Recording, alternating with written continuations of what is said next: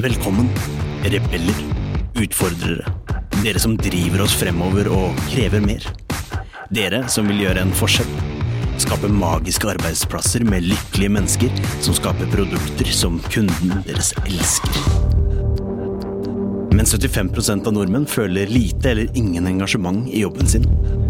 94% av ledere sier jo at smidighet og samarbeid er kritiske faktorer for at deres organisasjon skal lykkes. Men kun 6% av dem mener selv at de er smidige. Dette er podden som vil inspirere, gi deg konkrete tips og verktøy som vil hjelpe deg med å skape endringsdyktige organisasjoner med høyt engasjerte og motiverte ansatte som lager uslåelige produkter. Med Smidig-coachen, kurs- og foredragsholderen Ida Kjær. Ved sin side har hun kurs- og foredragsholderen, smidigtransformatøren og topplederen Tobias Falkberger. Sammen har de over 20 års erfaring med å jobbe i og lede smidige team og organisasjoner. Nå kjører vi!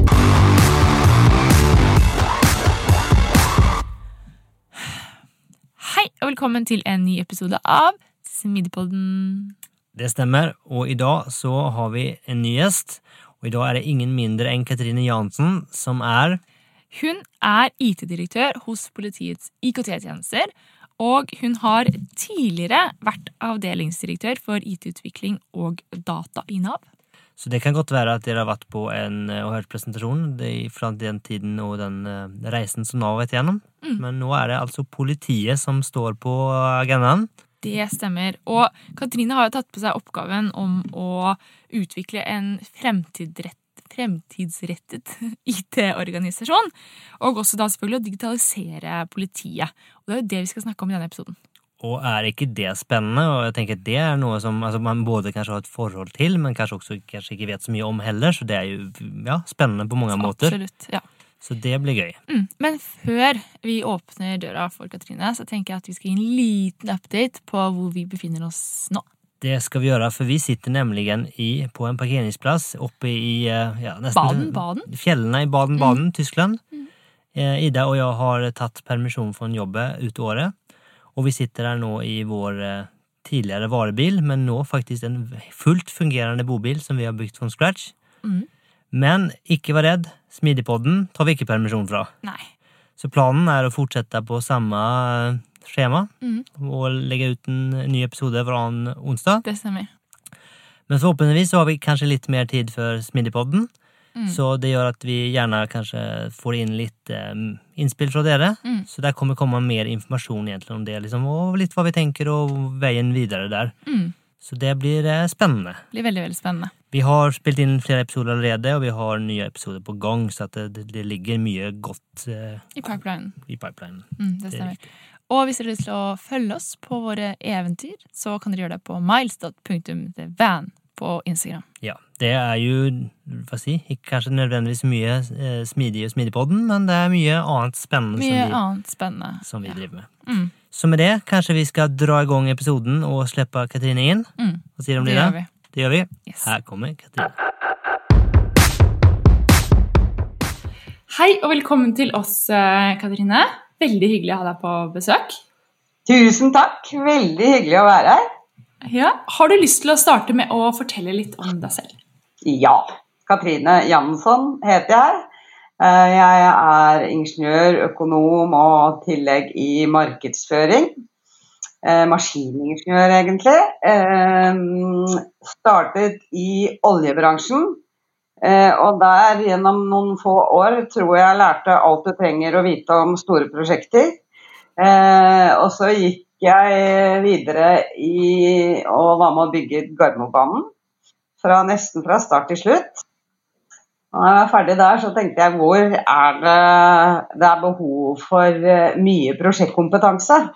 Og da leste jeg i media om ene IT-skandalen etter det andre. Så da tenkte jeg det må være IT-bransjen. Så da gikk jeg inn til konsulent i IT-bransjen, og var det i 16 år. Og så kom jeg til et veiskille hvor jeg var de siste fem årene som konsulent i Nav. Ulike lederroller. Um, og da kom jeg til et veiskille og sa nå må du enten komme deg ut, eller så må du bli. Uh, jeg syns det på en måte er noe uetisk med med sånn huskonsulenter. At de blir et sted i mange, mange år. Da tenker jeg da får man heller bli ansatt. Uh, og da kom Torbjørn Larsen inn i Nav, og han kjente jeg fra før, så da var valget enkelt. Da ble jeg i Nav. Og så har jeg gått over til politiet, som trenger litt uh, bistand og litt pådriver for digitalisering.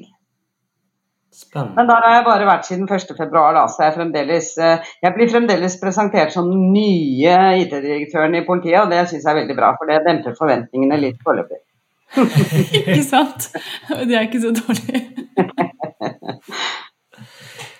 så kanskje kan gå videre og fortelle litt om, eh, om IT-delen i politiet, for det er kanskje ikke alle som er så kjent med det, oss inkludert. Liksom, hva, hva, som, hva innebærer det, og hva er det som ligger under ditt ansvar?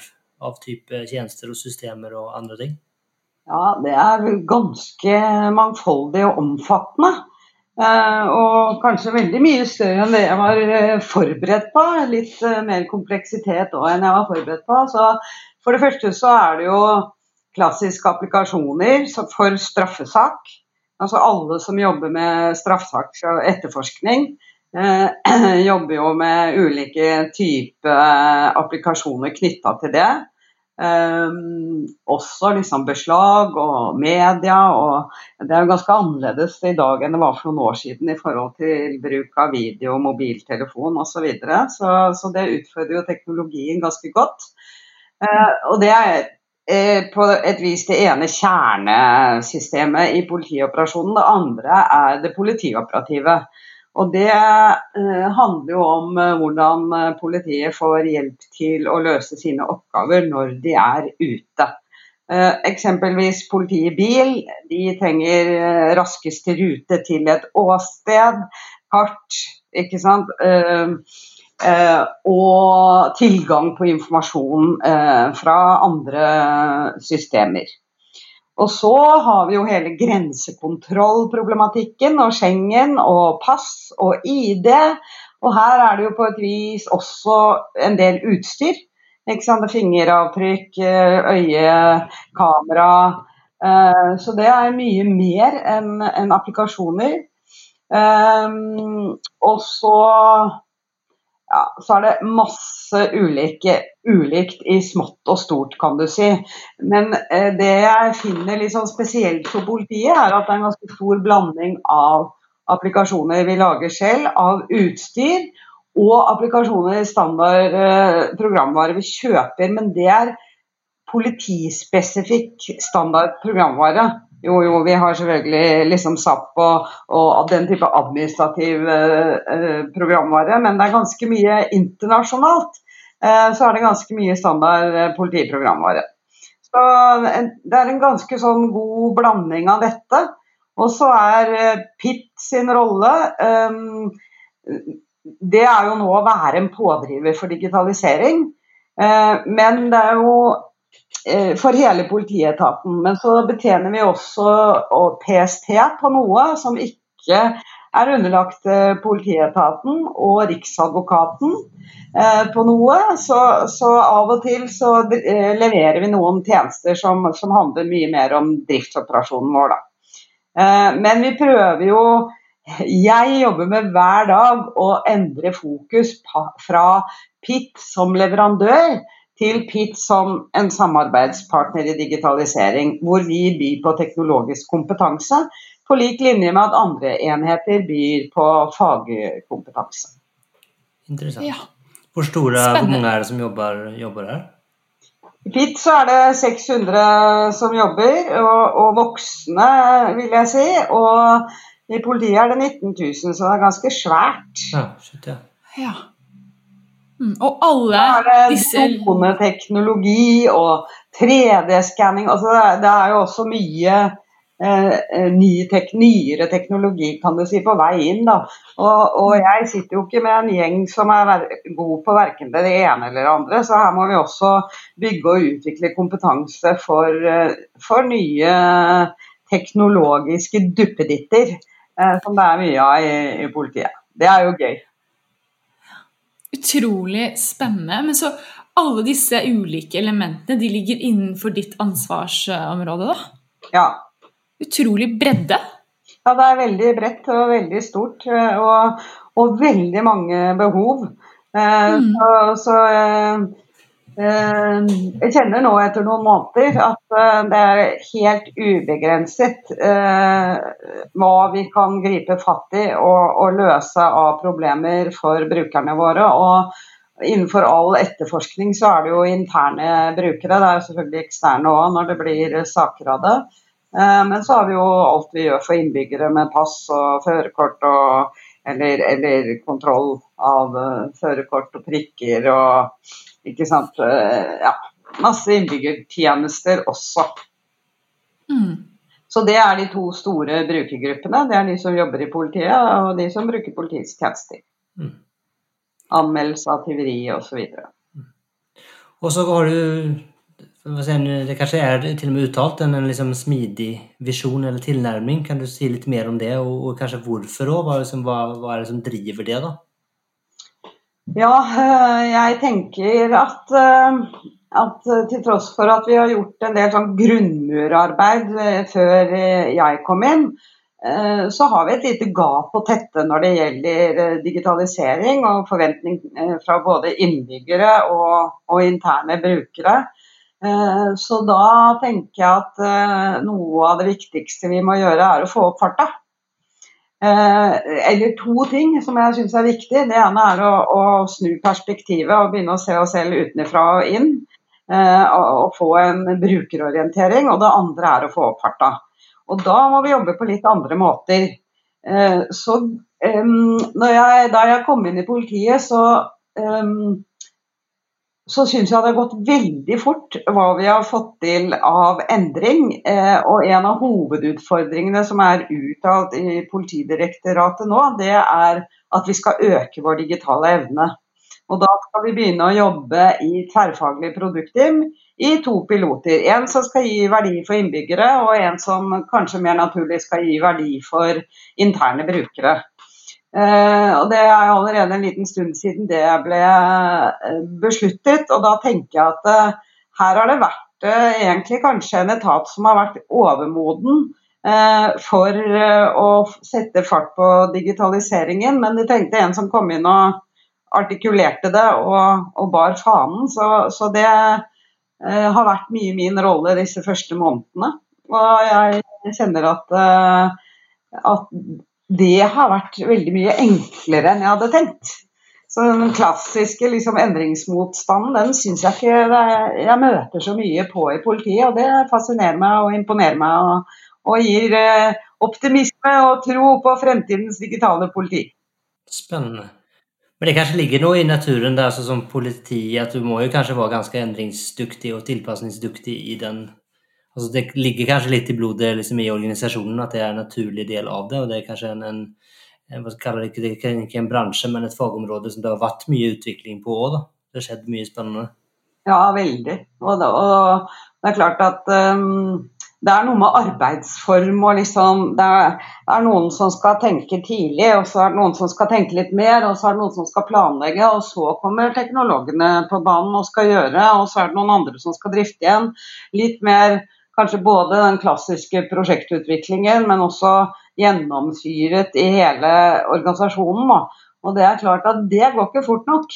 Eh, og det var så bra en av utviklerne som eh, sa på eh, en arena vi har for kompetansedeling for å liksom øke den digitale evnen da, i politiet. Han sa det at eh, det er litt dumt eh, at dere, ikke spør meg, fordi det er jeg som kjenner koden. Så jeg vet hva som er smart og ikke smart. Uh, og, og, litt sånn noen år tilbake i tid, så, så, så vil jeg si at liksom utviklerne var bare sånne ressurser du bestilte tolv stykker av, og så skulle du lage det noen hadde spekka. Eh, og du vet at disse masterutdanna teknologene de er altfor smarte til å bruke på den måten. Så eh, du kan si jeg er opptatt av smidig, men jeg er enda mer opptatt av tverrfaglig fra dag én. Sette eh, kompetanse rundt bordet som kan løse et problem. Og, og, det å løse et problem i dag uten teknologikompetanse ved det bordet, det er ganske krevende. Eh, og det å bruke så mye tid på å finne ut av hva teknologene skal lage, eh, og ikke lytte til hva er smart, hva er ikke smart, hva er mulig, kan vi tenke helt annerledes, det er eh, viktig. Så jeg Liksom, tverrfaglig tror jeg er det begrepet jeg har brukt mest de siste tre-fire årene, kanskje. Også i Nav. da. Tverrfaglig, tverrfaglig, tverrfaglig. Ikke ledd og kjeder og hierarki og opp og ned, men rett og slett eh, eh, gjøre team i stand til å fatte gode beslutninger basert på at de utvikler en god problemforståelse og har eh, den kompetansen de trenger til bords. Og det er, det er, like viktig å ha jurister til bords, og, og, design til bords, og, og, teknologer som forstår betydningen av data. Altså, eh, kan du si at disse disiplinene utvikler seg jo hele tiden. Så eh, til slutt så må du liksom ha 25 i det tverrfaglige teamet, å, eller 30, for å, for å være ordentlig tverrfaglig. Så der er det noe å se på. En utfordring, tenker jeg, at, eh, at folk blir så spesialiserte innenfor design, eller jeg er interaksjonsdesigner, jeg er grafisk designer, jeg er tjenestedesigner. og Ja, jeg har respekt for at det er forskjellige disipliner, men jeg tror vi må prøve å, å tenke litt mer helhetlig. Så fra å være veldig sånn front-end-utvikler, back-end-utvikler, kanskje litt mer fullstack med noen som har mer kompetanse på front og noen mer kompetanse mm. for back-end. Sånn at mm. uh, disse tverrfaglige teamene greier å holde en, en en størrelse som er egnet for godt teamarbeid og god kommunikasjon. Men Hvordan har det blitt tatt imot? For at, ja, Vi er veldig pro tverrfaglighet, jo, altså, men, men, det er jo det er ikke alltid så lett. og det, du skal jo samme, altså, Mye av magien skjer jo kanskje for at man faktisk tenker ulikt, og det er jo veldig positivt, men det er jo også veldig krevende. At du blir kanskje konstant utfordret. Du har ikke folk som er nødvendigvis ser på verden på samme måte som du. Det, er liksom en del utfordringer rundt det. Hvordan er det liksom hvordan har det blitt tatt imot når du er så pro tverrfaglighet? Har det liksom Ja, hvordan har det blitt tatt imot? Unnskyld at jeg forstyrrer deg midt i denne superspennende episoden, men jeg må bare fortelle deg noe. Forresten, det er meg, Arvid, fra introen. Er du en som ønsker å utfordre, drive oss fremover og kreve mer? Gjøre en forskjell og skape magiske arbeidsplasser? Men du bare vet ikke helt hvordan. Da har jeg noe som kan hjelpe deg. Tobias og Ida har laget et kurs. Kurset gir deg forståelsen og den smidige tilnærmingen du trenger for å tenke nytt om de organisatoriske byggeklossene, strategi, mennesker, prosess, struktur og teknologi. Lenke til kurset finner du i episodebeskrivelsen. Veldig, veldig godt. Som sagt så, så har vi på et vis uh, vedtatt at vi skal ha to piloter for et tverrfaglig team. Men så er jeg fremdeles i en, i en, form for onboarding, fordi det er så stort og så mye, og jeg må forstå. Og i dag snakket jeg med Finnmark politidistrikt, som liksom har geografiske avspanner. Russerne eh, liksom eh, masse vær og føreforhold som gjør fremkommeligheten umulig på vinteren. Altså helt andre problemstillinger enn vi har i Oslo politidistrikt. da. Mm. Eh, så det, det, er mye å få øye på. Men jeg får jo også øye på at oi, eh, vi har laget en eh, trafikkapp som også var beskrevet i, i Digi for noen uker siden. Og der har de jobbet ekte tverrfaglig fra starten. Det, det, handler på en måte da om en, en, digital utgave av forenklet forelegg, som ikke for så altfor lenge siden var en blokk. Og jeg vet ikke om noen av dere har blitt stoppet i trafikkontroll. Jeg ble det en gang da jeg var 18 og hadde kjørt 67-60-sone. og liksom den politibetjenten som da kom bort til bilen og, liksom, og så tilbake til sin egen bil og drive og fylle ut noen papirer, og så Litt sånn derre ekkel, eh, ekkel greie, og det tror jeg alle syns. Men nå står politibetjenten med appen og liksom ser skiltet her, og er du enig? Dialogen foregår der og da, og forelegget eh, blir avtalt. Og det er for meg eh, nettopp fordi at teknologene var med tidlig, så gjorde man smarte teknologiske valg som gjorde at dette deployes automatisk med enhetstester. og på uansett operativsystem. Du kan både kjøre på iPhone og, og Samsung. Eh, og det ble ikke strøm på papiret, som digitalisering har en tendens til å bli, mm. hvis ikke du har den tverrfagligheten til stede. Jeg, jeg lurer litt på, eh, Du snakket jo om at dere har jo to ulike brukere. Du har jo samfunnet, folket, oss. Eh, og så har du også de som jobber i politiet. Eh, politibetjentene. Hvordan involverer dere de ulike, eller har dere involvert ulike brukergrupper når dere utvikler den type sånn den appen her? Ja, Den er laget i tett samarbeid med UP, da, som har ansvar for å gjennomføre eh, fartskontroller. Så helt fra dag én. Eh, og man skjønte også at denne appen trengs også brukes på sjø. Og da fikk politibetjentene fikk den i hånda og fikk testa, brukt og gitt tilbakemelding. Og man hadde med meg ut på båt og liksom funker det hvis det er litt bølger på vannet. Og ordentlig bra prototyping og, og brukertilbakemelding. Og det er jo sånn vi ønsker å jobbe med alt vi gjør, egentlig. Og så er det en del av de gamle eller områdene hvor vi har eldre teknologi, som, som kanskje er for mye sånn kjedejobbing. Eh, og det må vi sakte, men sikkert løse opp i. Og, og på et vis bevise da, at resultatene blir bedre. Det går raskere, det koster mindre hvis du, hvis du tenker tverrfaglighet fra start. Ja, for Jeg kommer til å tenke tilbake på um, I vinter så var en Tobias og jeg vi kjørte, var ute og kjørte bil, og så var vi vitne til en ulykke. Uh, hvor vi ringte politiet, og så ble vi selvfølgelig avhørt fordi vi var først vi var vitner som så det. Og da hadde han politibetjenten han hadde en type avhørsapp på telefonen sin. Tror jeg det var. Han hadde brukt det for telefonen sin.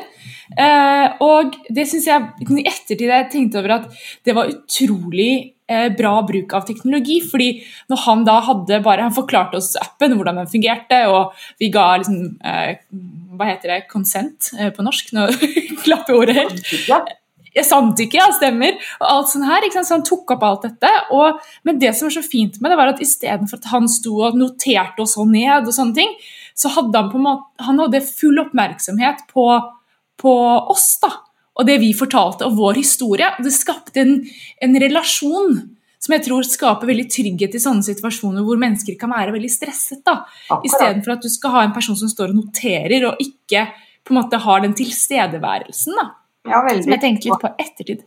Veldig god observasjon, syns jeg. Det, øh, hvis du kan kalle det en brukeropplevelse. Det er jo egentlig ja, det. Er jo det så er jo det en, en brukeropplevelse som effektiviserer arbeidet voldsomt. Uh, ikke mm. noe skriverier og inn og lagre der osv. Mm.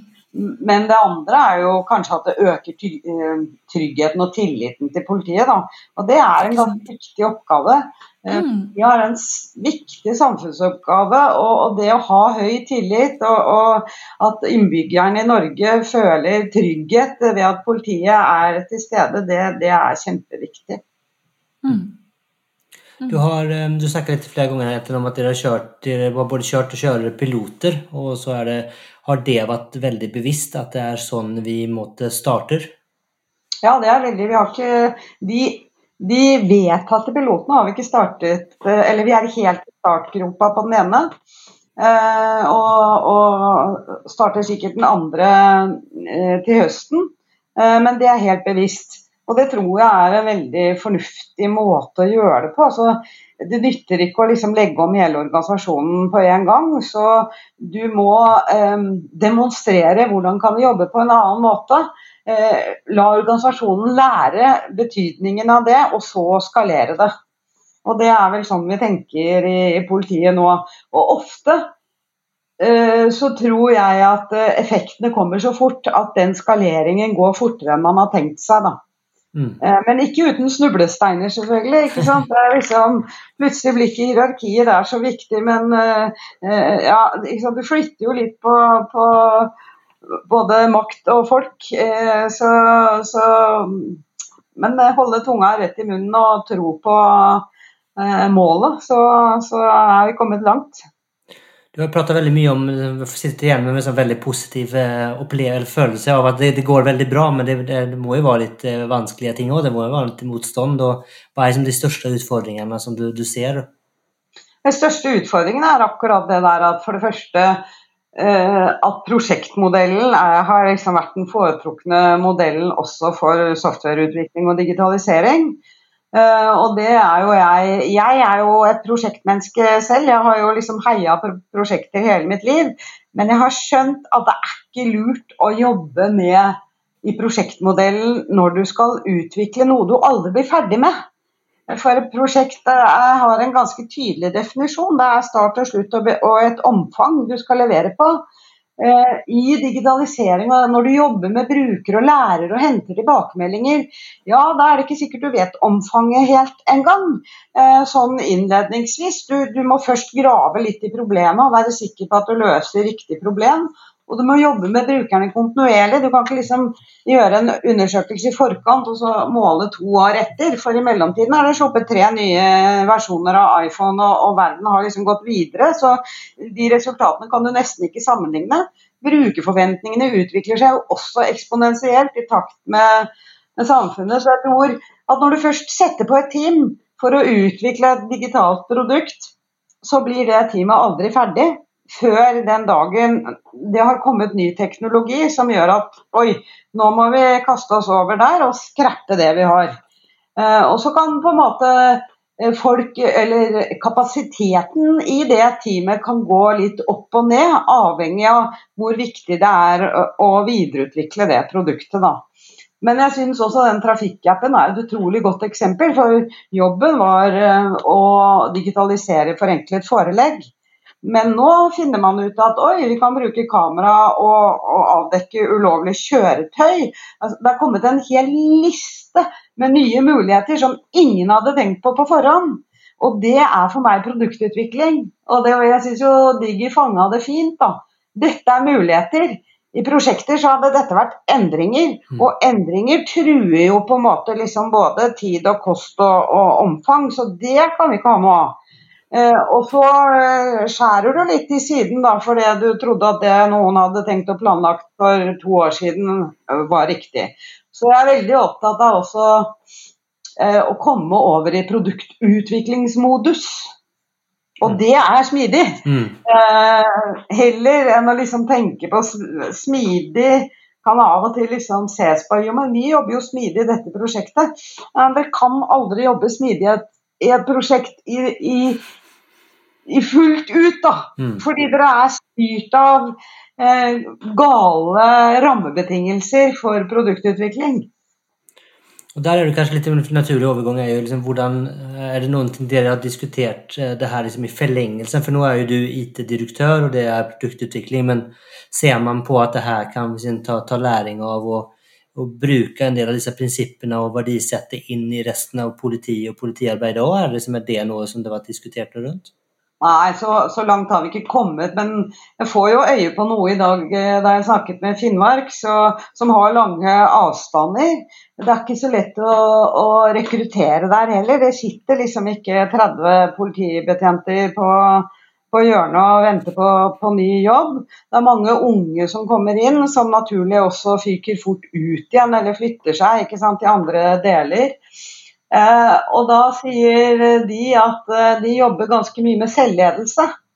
Igjen da, så, så, er liksom politiet på stedet, de som jobber der, de må kunne øyne å lede seg selv og skjønne eh, hvilken kompetanse de må utvikle, og hvordan de skal utøve politifaget. Og da sa jeg men det er jo kanskje en litt sånn felles problemstilling som også handler om eh, det jeg tenker.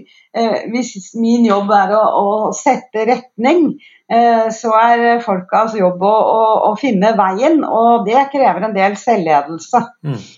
Så typisk den derre klassiske Ja, ingen har informert meg om at dette er liksom hvordan dette skal bli. Uh, og ingen, hvem er det? Direktør ingen har vi kanskje ikke på huset. Uh, men selvledelse er Oi, nå kjenner jeg at jeg ikke er helt informert om, om, hva dette betyr. Hvordan kan jeg bli mer informert? Og så kan du bruke liksom nettverket ditt, eh, både hierarkiet og nettverket i organisasjonen, og finne ut av, av det. Det er sånn klassisk lite eksempel på selvledelse, da. Men det er så mye mer enn det. Så ja, de diskusjonene tror jeg kommer. At vi tenker annerledes i stort på hvordan vi løser oppgavene våre. Og så vil det være kanskje litt ulike former som, som er tilpassa ulike typer oppgaver. Mm. Spennende. Mm. Du hadde hørt noe spennende i dag om noe undersøkelse om noe hierarki, hadde du ikke det, i politiet? Eh, nei. Eh, jeg tenker på en måte Hierarkiet er jo eh, på sett og vis noe som eh, ble oppfunnet under industrisamfunnet. Eh, og Da var det liksom toppen. Vi er øyne og ører, og gulvet dere er eh, bedriftens muskler. Og ut av dette så vokste det frem fagforeninger for å passe på at ikke musklene ble slitne og utnytta osv. Liksom veldig, veldig enkelt fortalt, da. Så kan du si er, er hierarkiet like egnet i kunnskapsvirksomheter? Og det tror jeg ikke det er. Uh, jeg tror det er et poeng å flate ut, og jeg tror det er et veldig stort poeng å å ha tillit til at smarte folk er bedre enn en ledere høyt oppe i, i hierarkiet til å løse faktiske problemer. De sitter mye nærmere problemet og har kompetansen til å løse det. Så kan du si, Men det er jo det er noen bra ting med hierarkiet også, i den forstand at uh, man får jo plassert ansvar for hvis du tar liksom mål og strategi på toppen, så får du brutt det litt ned på en logisk eh, måte. Og ulike deler av organisasjonen har ulikt ansvar for å nå målene. Eh, så, og sånn sett så er det jo noe i det som eh, er smart, og så er det jo også Det er jo forskjell på kompetansen vår. Så som leder må jeg ha et ganske bredt perspektiv. Og jeg må skjønne at liksom, når vi skrur noe borti her, så påvirker det noe borti her. Du må se sammenhenger. Eh, du, må, du på en måte må se langt utover politiet også. Hvor er liksom samfunnet på vei, og hvordan påvirker det oss? Og Det er jo ikke noe vits at alle sitter og gjør. Selv om mange må ha eh, større perspektiver enn en dagens oppgaveløsning. Eh, samtidig så er jo ikke jeg noe god til å, til å sitte og utvikle. Jeg, jeg, startet å kode en gang i tiden og gjorde det de første to-tre årene, men jeg tror ikke det ville vært så lurt å bruke meg til i dag. Så vi har jo ulike ferdigheter. så så det at det er noen som er opptatt av mål og retning og liksom mobilisere folk og skape resultater, ja det er bra. Mm. Eh, men hvis du må drive og gå opp og ned i et hierarki, Eh, for beslutninger, og særlig fordi det er kanskje er litt beslutningsvegring i noen av disse leddene i hierarkiet, eh, og du ikke har tillit til eh, den kompetansen som skal sitte og løse oppgaven, ja da virker hierarkiet mot sin hensikt. Mm. Jeg vil jo si også at den, det dere søker i politiet også, med tverrfaglighet, kan jo være et veldig godt Da i noen tilfeller, da, hvis man har den gode tverrfagligheten da, og klarer å ta gode beslutninger, så er kanskje ikke hierarki så nødvendig heller i alle situasjoner. Hva tenker du om det? Nei, jeg er helt enig. Det, mm. Og det, det, er kanskje eh, fremtidige snublesteiner som skal løses. da. Jeg får vi mm. flere og flere av disse tverrfaglige produkttimene. De sitter ikke i, i PIT de sitter jo kanskje hos Økokrim, hvis vi snakker om et team som driver med hvitvasking. Og så sitter de kanskje i Oslo politidistrikt hvis vi jobber med det politioperative. Og så, og så sitter de kanskje i Vardø, hva vet jeg, hvis vi jobber med politiattester. Altså, eh, så da flytter vi folka våre til Eh, eh, eh si, fagsiden da, som, som, egentlig fatter eh, beslutningene. Og da, liksom, når du begynner å få mange av disse teamene kanskje begynner å bønde de sammen i områder, ja, da begynner det å, å, utfordre det eksisterende hierarkiet. Og det er alltid en liten reise å gå, og litt ulikt sikkert fra virksomhet til virksomhet. Da. Men det ligger foran oss et sted i løypa. Hva, hvordan kommer dette til å utfordre hvordan vi er organisert i stort? Mm. mm. Jeg tenker på En ting jeg har litt lyst til å, å, å sirkle, um, gå litt tilbake til, dette med, uh, med brukerne i sentrum, som var inne på. Har dere kjent noe på altså nå har Samfunnet generelt og veldig mange virksomheter har jo kjent på liksom, det digitaliseringsbehovet um, som vi har nå. Har dere kjent noe på det, både fra deres interne eh, brukere, men også eh, eksterne da, i forhold til covid-19 og er det et større måte, behov, krav til digitalisering enn det det var før? Ja, eh, det tror jeg. Eh, Covid-19 har jo akselerert noe også for oss, f.eks. digital mm. anmeldelse. Da. Det har jo vært ganske ja, viktig. Um, og, det kom jo liksom både av et eget behov og et brukerbehov, så, så litt sånn merch, ja. Mm. Men uh, det er klart at uh, et, et oppegående digitalt menneske i dag forventer jo på en måte å kunne bestille time til eh, pass på nett. Sånn, det kan du nå. Ikke sant? Ja. Eh, og det er sånn, mm. Helt sånne selvfølgelige ting. Og vi har ganske mm. mange andre, da. Politiet har jo ennå ikke en sånn min side hvor du kan logge deg inn og se liksom Her er passet ditt, og det går ut da. Husk å bestille time senest. Og med varsling. Du har tre pikker på førerkortet. Nå er det kanskje på tide at du roer deg ned litt. Eh, eh, så langt har saken din kommet eh, i forhold til anmeldelse av sykling som ble stjålet. Ikke sant. Masse, eh, og det er den ene piloten vår, da, så det, mm. det er vi liksom så vidt begynt å sparke i gang. Veldig spennende. Og ja, kjempespennende ja, men kanskje på en måte også en selvfølge. Mm. For meg er det ja. Hæ? Det må vi jo ha. Ja, det, jeg, jeg, er enig, eh, Katrine. Vi hadde Tobias jeg fikk syklene våre stjålet her for noen år siden. Da var vi veldig frustrert. Og vi måtte bruke hele søndagen nede på Grønland. ja, ikke sant? Det må du ikke nå, da. Sånn eh, nå går det jo veldig fort. Og nå kan du på en måte også si at eh, Next er liksom direkte øh, Saken din går rett i forsikringsselskap, og penga står på kontoen to timer etter at du meldte. Ikke sant? Fordi øh, sykkeltyverier blir jo ikke forfulgt og oppklart. De blir jo, de blir av og til oppklart, det har jeg opplevd faktisk. Mm. Uh, men som regel så får du igjen forsikringspengene dine med en gang, fordi sannsynligheten for at uh, den sykkelen finnes er ikke så stor, da. Nei. Jeg ser at tiden løper fra oss i dag, så vi må begynne å runde av allerede. Yes, det kan vi gjøre. Da tar jeg det første spørsmålet. Katrine, Hva ville du fortalt 20 år gamle deg selv? Og Det syns jeg var et veldig uh, morsomt spørsmål. Um, jeg tenker at jeg kanskje kunne sagt til meg selv at nå må du sette deg ned, og så må du tenke over hvor du har dine evner, og hvor det skal føre deg. Eh, jeg tror jeg ble ganske voksen eh, før jeg tenkte det. Eh, så er jeg veldig takknemlig for den reisen jeg har hatt, hvor jeg ikke liksom har sperra noen veier og vært åpen for alt underveis. Men kanskje hvis jeg skulle gå tilbake, at jeg, at jeg skulle gitt meg selv et, et godt råd om det. Eh, og så eh, vil jeg sagt at du må være nysgjerrig og søke hele tiden og utvide dine perspektiv.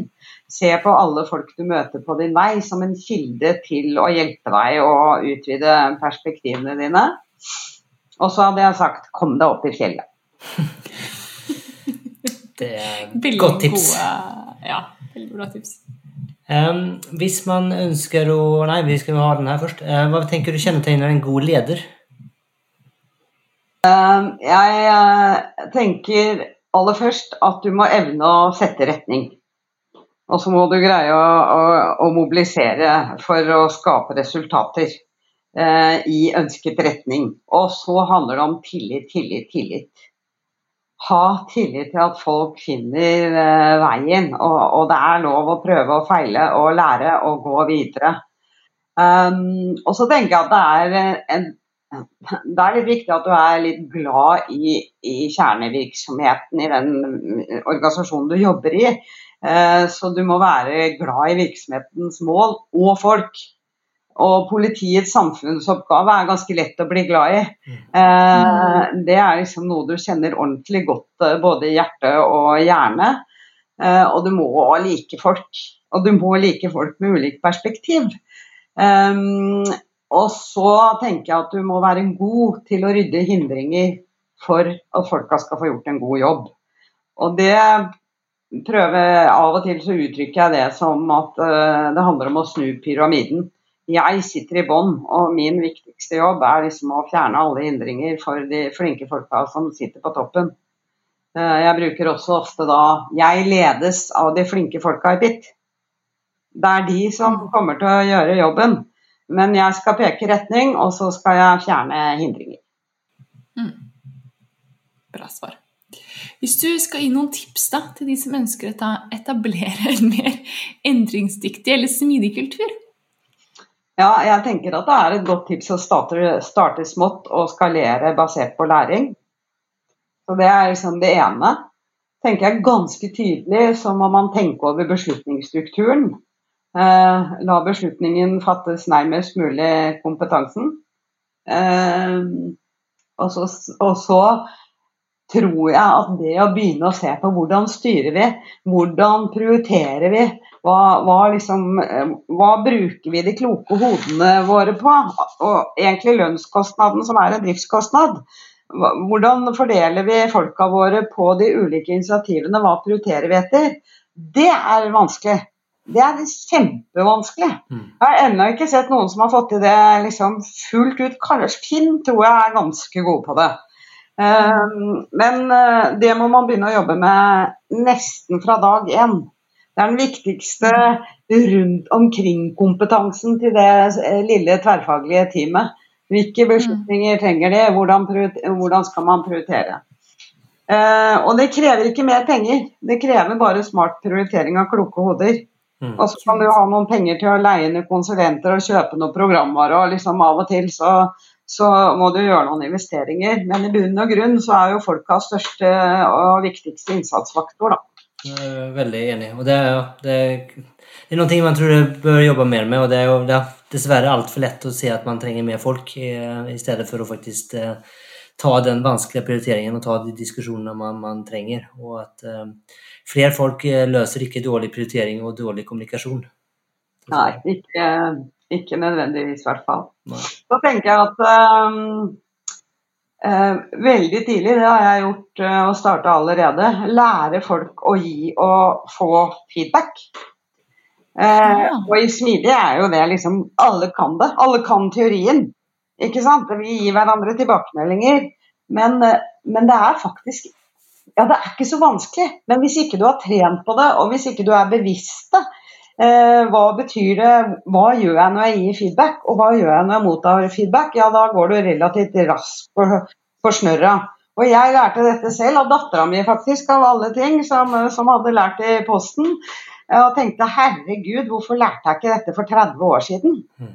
Eh, og det å være i en kultur hvor det mest naturlige ting er å gi hverandre feedback fordi vi ønsker å gjøre hverandre bedre, det tror jeg er en sånn veldig viktig ingrediens i en smidig organisasjon. Da. Uh, og det er liksom grunnleggende. Og så tenker jeg også at gi smarte folk de verktøyene de har behov for for å gjøre jobben sin. Ikke liksom spar på knapper og glansbilder, eh, men, men se på det som liksom Det er en, eh, en driftskost. Eh, vi må ha moderne og, og bra verktøy for å gjøre jobben. Eh, det er ikke der vi sparer penger. Vi sparer penger på resultatene. De digitaliserte arbeidsprosessene, det er der vi sparer penger. Enig. Eh, har du noen bøker, lydbøker eller podkast du ønsker å anbefale? Eh, nå har jeg ikke fått lest så mye. Jeg leser hele tiden eh, sånn små utdrag, artikler og osv. her og der. Det blir ikke noe bok av det nødvendigvis. Eh, men så satt jeg og tenkte at det var eh, en bok jeg leste som, eh, som tok meg veldig, og den heter 'La meg synge deg stille sanger'. Den er skrevet av Linda Olsson. Og da jeg hadde lest den, så ble jeg også så engasjert at jeg gikk inn på Bokkilden og skrev en anmeldelse. Eh, som var liksom, det er mange år siden. Litt mer vanlig kanskje i dag. Og ikke sant, rate og eh, les denne er kjempegod og sånn, men den gangen var ikke det så vanlig. Så fikk jeg beskjed fra Bokkilden om at eh, redaktøren ville gå gjennom min anmeldelse, og hvis den ble vedtatt, så ville jeg få ti kroner. Oi, oi, oi! Oi, oi. Men, men eh, det var en bok som bevegde meg veldig. Ja. Eh, og så eh, tenker jeg i all beskjedenhet at eh, jeg hører jo på en podkast hver uke. Jeg hører på mange, da. Men jeg hører på Godt nok for de svina. Der er Hege Jansson Skogen sammen med Anita Krohn Traaseth. Og det er min datter, så jeg er veldig stolt av den. Ja. Men der er det en episode om tilbakemeldinger. som jeg anbefaler alle å høre. Og så er det tre episoder om makt og ledelse som de har sammen med Steinar Bjartveit. Eh, om kongstanken eh, og, og, lederskap beskrevet av Ibsen for over 100 år siden. Det syns jeg er utrolig bra. Så nå skal jeg lese kongsemnene også, har jeg bestemt meg for. da. Eh, men eh, ja, det anbefaler jeg å høre på. Veldig, veldig interessant om, eh, om ledelse. Spennende. Og så helt på tampen, hvis man ønsker å komme i kontakt med deg, hva kan man gjøre da? LinkedIn er det enkleste. Var ikke du så heldig med det i dag, Ida, men Sånn kan det gå. normalt sett så er jeg innom LinkedIn om kvelden. Eh, ja. Og sjekker eh, hva som skjer, og om det er noe nytt. Strålende. Vi legger til en link ja, til Katrine på LinkedIn. Det gjør vi. Så med det så vil jeg gjerne takke for at du eh, kom på besøk til oss, Katrine. Tusen takk for at dere inviterte meg. Ja. Så er det bare å si, så er det bare å si ha det bra, da. Yes. Ha det bra. Tusen takk for at du lyttet på denne episoden av Smidpodden. Dersom du likte det du hørte, så abonner på Smidepodden. Da vel. Da får du masse mer av denne type innhold i fremtiden. Dersom du har lyst til å støtte Smidepodden fremover, så gå gjerne inn på linken under og eh, ta kurset vårt. Du kan også så klart bruke noen av linkene under til bøkene som gjestene våre anbefaler. Det er affiliate links, og det betyr at Smidepodden får ei lita krone når du kjøper en bok, men du betaler så klart ikke en krone mer når du handler. Så med det så ønsker jeg deg en fortsatt fantastisk dag eller kveld, hvor enn det er du befinner deg i denne store, vide, vakre verden. Ha det bra!